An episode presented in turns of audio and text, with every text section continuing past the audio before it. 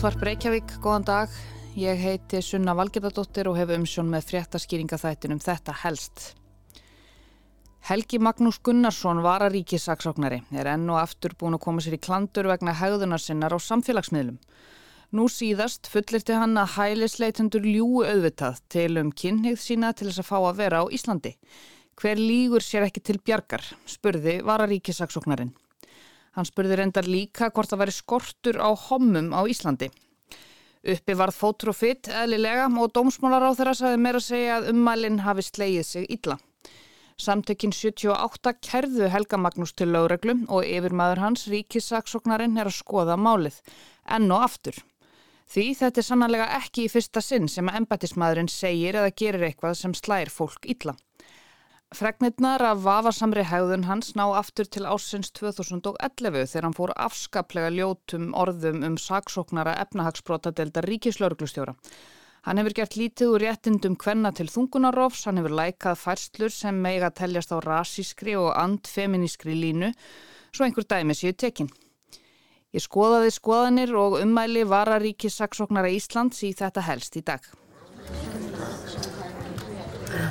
Innanríkisráþarann Augmundur Jónasson skipaði Helga Magnús Gunnarsson í ennbætti vararíkisaksóknara við ennbætti ríkisaksóknara haustið 2011.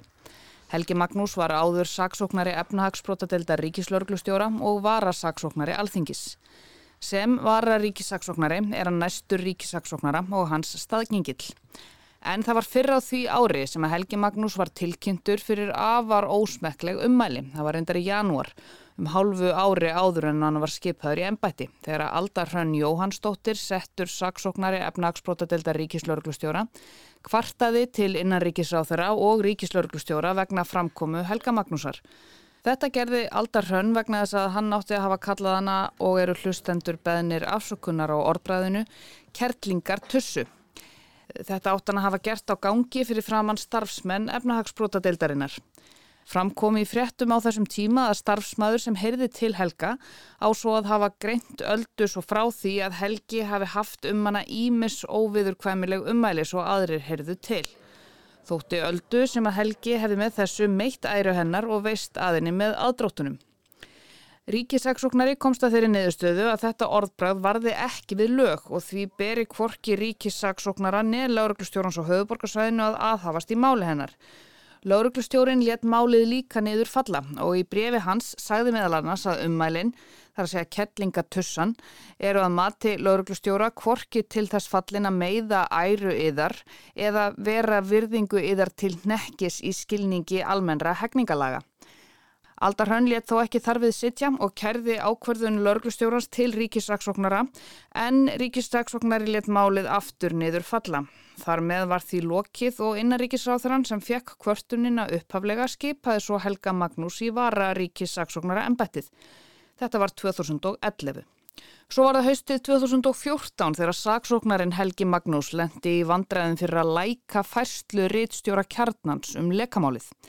Verjandi Gísla Freys Valdóssonar sem var þá aðstóðarmadur Hönnubirnu Kristjánsdóttur innaríkisráðura og var ákerður fyrir að leka gögnum úr innaríkisráðunettinu samanber lekamálið. Verjandi hans taldi að saksóknarin í málinu ætti að víkja vegna læksins. Helgi Magnús sagðist aldrei hafa verið áhuga samur um að tjá sig á Facebook en þætti gaman að skoða myndir og svona. Það fælist ekki hlutrækni í læki en hann sagði líka að auðvitað mætti hann læra að þessu. Þetta var 2014. Helgi Magnús lærði ekki að þessu.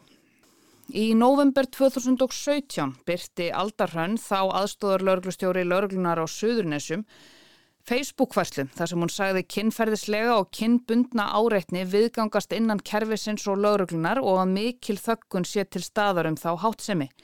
Þar ríki karlæg menning og karlægt kerfi þar sem konur njóti ofta ekki sannmælis, ítrekkaði sér gert lítið úr reynslu kvenna og þekkingu, það er vísað til kinnferðis, allt í skjóli vald svo gamalla úreldra viðhorfa. Aldar Hrönn nefndi nokkur atvik byggða á eigin reynslu meðal annars kellingatussu atvikið með Helga Magnús. Ráðstefna Evróskra ríkisaksóknara samþykti árið 2005 leiðbenningar um síðarreglur og breytni opimbera ákjærenda. Þar er að finna sérstakar reglur um breytni saksóknara í engalífi. Þar segir að ofinbyrir ákjærendur megi með aðtöfnum í engalífi sínu kvorki stefna í hættu heiðarleika ákjæruvaldsins, rétt síni þess eða óhlutrækni, nýja þeirri ímynd heiðarleika, rétt síni og óhlutrækni sem það kann að njóta. Ofinbyrum ákjærendum ber að sína breytni sem stuðlar að og heldur við trösti almennings á starfið þeirra.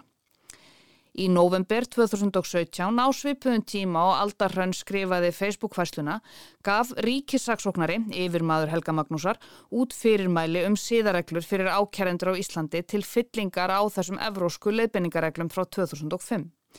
Þar segir meðal annars að ákjærendur skulle gæta þess að framkoma þeirra utan starf sé ekki til þess fallin að rýra tröst til ákjæruvaldsins. Ákjærendur eiga að forðast að gera eða segja nokkuð sem gæti verið þeim til vannverðu og álitsnekkis eða getur varpa rýrð á störðeira og dreyður trösti almenningskakvart þeim. Þá þurfu ákjærendur að gæta þess takið þeir þátti í ofinberu umræðu að framganga þeirra sé með þeim hætti að, innan gæsalappa, hlutleysi þeirra sem ákjærenda verði ekki dreyði efa. Þetta er nokkuð skýrt og þetta var fengið úr úttækt stundarinnar um Helga Magnús sem var byrt í april 2019. Hann hafði þá aftur verið að láta sig málefni varða í þetta sinnum innflytjandur. Ég kæri mig ekki um opnari landamæri fyrir förufólk, eigu við þessa vænta, skrifaði Helgi Magnús á Facebook síðu sína og deildi frétt um að hátt hlutfall ofbeldisbrota í Noregi sem framið af innflytjandum. Þá líst hann þeirri skoðun að þöggun ríkjum kynferðisbrot sem framinn eru af múslimum í Breitlandi. Stundin telur upp nokkur dæmi sem þá voru nýleg vorið 2019 um viðhorf sem Helgi Magnús leti ljós á Facebook en hann hafði þá ítrekkað verið að beina spjótum sínum að minni hlutahópum á þeim vettfangi og lækað það sem gæti kallast vafasaman boðskap frá félagskapnum Vakri sem eru samtökum evróska menningu. Einn færslan sem Helgi Magnús lækaði fjallaði um að kvíti kynþátturinn eigi undir höggað sækja á Vesturlöndum og brátt verði hinnir kvítu í minnilhuta. Árið áður, árið 2018, flutti Helgi Magnús erindi í Berlín sem fjallaði um mannréttindi og flóttamenn og fleira í þeim dúr. Þar saðist hann ekki hafa neitt að móti húðlitt og trúarbröðum flóttafólk svo lengi sem það samþykti lífsvenjur og grundvallarreglur Vesturlanda. Svo væri ekki raunin í sömum muslima löndum, sagði Helgi Magnús. How will those people integrate into our society? We have nothing against color or religious, just if people uh, recognize and are willing to accept our way of living, you know, our ground rules. Vararíkissaksóknarinn byrti líka hugleðingu um þungunarof þar sem hann gaggrindi málflutningu um svo kallaðan sjálfsákvörðunar rétt kvenna innan gæsalappa og segir talsmenn frjálslindari lögjafar beita samskonar mælskubröðum og þeir sem réttlæta morð á minnulhutahópum. Svo var það í mars 2019 sem að Helgi Magnús deildi greina viljanum.is þar sem farið er hörðum orðum um mótmæli hælisleitenda og staðhæft að nokkus konar stjórnleysi ríki á einhverjum helgasta reit Íslandinga, einmitt með ólíkindum, skrifaði Helgi Magnús. Sömu leiðis sagðan að það sé löngu orðið tímabært að tala um mótmæli og mótmælendur sem óerðir og óerðasekki og átti þá við mótmælaölduna sem reyði við Frakland. Stundin sendi þá Sigriði Fríðjónsdóttur ríkisaksóknara fyrirspurn og spurði hvort hún teldi æskilegt að saksóknari hjá ennbættinu tjáði sig með þeim hætti sem Helgi Magnús gerir á samfélagsmiðlum. Þá var spurt hvort ennbættið hefði lagt mat á hvort málflutningur Helgar samræmist síðareglum ákjærenda, svo sem um framkomu utan starfs. Sigriður sagði, samskipti mín við starfsmenn embættisins er ekki málefni sem ég ætla að fjalla um við fjölmiðla, þar með talið þegar að kemur að álita efnum sem varða síðareglur á kærenda. Þær reglur hafa vissulega leiðbynningargildi varðandi alla framgöngu á kærenda. Svo leiði smá stund og allt fjall í ljúfa löð. Haustið 2020 í ágúst var Helgi Magnús svo aftur tilkynntur til yfirmannsins Sigriðar ríkisaksóknara og aftur var það Aldar Hrönn yfir lögfræðingur embættis lauruglustjórnans og suðunessum sem tilkynntan aftur vegna ummæla sem Helgi Magnús let falla um hana. Sigriður Ríkisaksóknari saði þá að ummæli Helga Magnúsar væru hans eigin og að þau hefðu ekki verið sett fram í neinu samráði við Ríkisaksóknara. Hún vildi ekki tjá sig meira. Helgi Magnús saði við rúf að Öldur Hrönn sé frjálsta kvarta og hann standi við það sem hann sagði. Og svo leið eitt ár. Í byrjun september í fyrra, 2021, var Helgi Magnús aftur búin að koma sér í vesen. Í þetta sinn var hann sakkaður um óþólendavæna afstöðu, nánar tiltekið um að taka afstöðu gegn þólendum kynferðsofbeldis. Hann lækaði á Facebook, ummæli undir frétt um mál Þórhildar Gíðu Arnarsdóttur og Kolben Sigþórssonar, landsliðsmanns í fótbolta. Kommentið sem Helgi Magnús lækaði hljóðaði svo Hörður Felix, lögmaður, rekur málavexti með ágetum. Kjárni Máls er hins vegar sá að Þórhildur Gíða og stígamót stunda fjárkúun og engin fjölmiðið lætur sig það varða. Helgi Magnús setti læk á það. Helgi sagði þarna í fyrra að þetta læk hans hefði einungis verið stuðningur við tjáningafrelsi þar sem að báðir aðilar eigi rétt á að skýra málsitt og eins og við var að búast sköpuðust heldur hressilegar umræður um þetta allt saman á Twitter og ég læt ógert að fjalla um þær hér að öðru leiti en að það er bent á að það sé ekki furða að konur þóri margar hverjar ekki að kæra kynbundið ofbeldi og eða áreitni. Þetta var sem sé síðasta haust og nú leið tæft ár á milli Havaríja hjá Helga Magnúsi. Núna snýst málið um hælisleitundur og homma. Í síðustu viku fullirti Helgi Magnús um sé annars vegar að hins egin hælisleitendur ljúi auðvitað til um kynneið sína til þess að fá hæli og spurði svo hvort það væri skortur á hommum á Íslandi. Þetta var bara núna fyrir Helgi. Flestir hælisleitendur koma í vonum meiri pening og betra líf, hver lígur sér ekki til bjargar. Þarfyrir utan er einhver skortur á hommum á Íslandi. Skrifaði Helgi Magnús og deldi með vangaveltunni sinni frétt stöðvar tvö um nýfallin dóm héraðstóms Reykjavíkur þar sem dómurinn dæmdi að útlendingastofnun og kærunemd útlendingamála hefðu ránglega ekki tekið kynneið manns trúanlega en stefnandi sótti um alþjóðlega vernd hér á landi árið 2019 sökum kynniðar. Og Sigriður Fríðjónsdóttir, ríkissaksóknari og yfirmaður Helga Magnúsar hefur nú enn einu sinni fengið málinn hansinn á bort til sín og staðfestir það við rúf. Ummælinn hans um samkynniða hælisreitendur eru til skoðunar hjá ennbættinu og það er gert að hennar eigin frumkvæði. Jón Gunnarsson, dómsmálaráþara, sagði fyrir Helgi að ummælinn slái sig illa. Hann benti á að ákjærendum sé skilt að fylgja siðareglum sem þeim séu settar, sé það ekki gert, sé það ríkisraksóknara að bregðast við. Álfur Birkir Bjarnason, formaður samtakana 78, sagði þetta senda þau skilabóð til hins einn fólks að það sé minna virði en aðrir borgarar samfélagsins og staðfesta grunn samtakana um kerfislega fordóma. Þetta tekur úr manni allan vind, þetta er mjög líklegt til þess að slá andan úr einhverju fólki sem ætlaði að fara að leita réttar síns, sagði Álfur í samtali við mbl.is. Hver lígur sér ekki til bjargar, spyr vararíkisaksóknarinn sem sagði svo reyndar við vísi, daginn eftir ummælinn, að honum þætti mjög vænt um samkynneiða og hefði aldrei haft neitt á mótið þeim. Þá saðan gúrkutíðina, orsaka það að ummæli hans hafi orðið þréttamál. Þorgerður Katrín Gunnarsdóttir formaður viðrestnar saði á Facebookum helgina að ummæli vararíkisaksóknarans væru alvarleg og sendu mjög hættuleg skilaboð. Orðræða hafi félagsmótandi áhrif og hatursfull orð geti skadað mikill.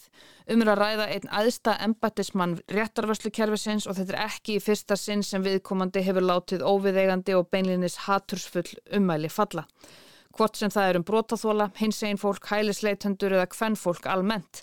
Listin er langur og það segir allt sem segja þarf. Nýlegar skerðingar á sjálfs ákvörðuna rétti hvenna í bandaríkjónum vekja mikinn óhug við erum flest hér sammóla um það. Nema kannski vararíkisaksóknari sem hefur áður líkt þungunarofið með morð og gert lítið úr rétti hvenna. Dómsmálaráð þeirra getur kallað eftir því að aga viðurlögum verði beitt. Það er ekki bóðlegt að handhafar valdsins láti svona ummæli falla trekk í trekk, skrifaði Þorgerður Katrín. Samtökinn 78 kærðu svo Helga Magnús til lögreglu í gær. Að mati samtakana falla ummælin undir hattusorðræðu sem varðar alltaf tveggjára fangelsi. Þetta eru ósmekkleg og mjög alvarleg ummæli sem geta haft miklar afleiðingar í för með sér, sagði Daniel E. Arnarsson, framkvæmdastjóri samtakana. Í samtali við MBL í gæðir sagðist Helgi Magnús ekki telja sig hafa brot til lög með þessum skrifum sínum og sömuleiðis hafa hann ekki verið beðin um að stíga til hliðar vegna fæslunar. Enda sé ekkert tilefni til þess, sagðan við MBL. Kerfið virkar ekki þannig að menn út í bæ stjórni hlutónum með því að senda inn kæru. Þetta gæti verið tilefni til rannsóknar og kannski mér verði síðan vísað frá. En það ræðist ekki af skoðunum kærenda, heldur hvort þetta sé lögbrot. Ég hefði aldrei sagt þetta ef ég hefði talið mig verið að brjóta lög, sagði Helgi Magnús við MBL. Sumir líta á björtur hliðarnar og sjá viðskiptatækifæri í svaðinum eins og Sveit Snær Kristjánsson hönnuður sem var ekki lengi að hanna ból með áleitruninni skortur á homum á Íslandi. Sveit saðist við NBL fyrst hafa orðið reyður þegar hann las umalinn en ákvað að sína fáráleikan með kærleikan að vopni. Samkvæmt nýjustu upplýsingum mínum er Sigriður Fríðjánsdóttir ríkisaksóknari en með mál undirmann síns til skoðunar og ekkert liggur fyrir í þeim efnum enn sem komið er. En þessi yfirferðum skoðanir vararíki saksóknara Íslands var helst í dag. Takk fyrir að leggja við hlustir og við heyrumst aftur á morgun.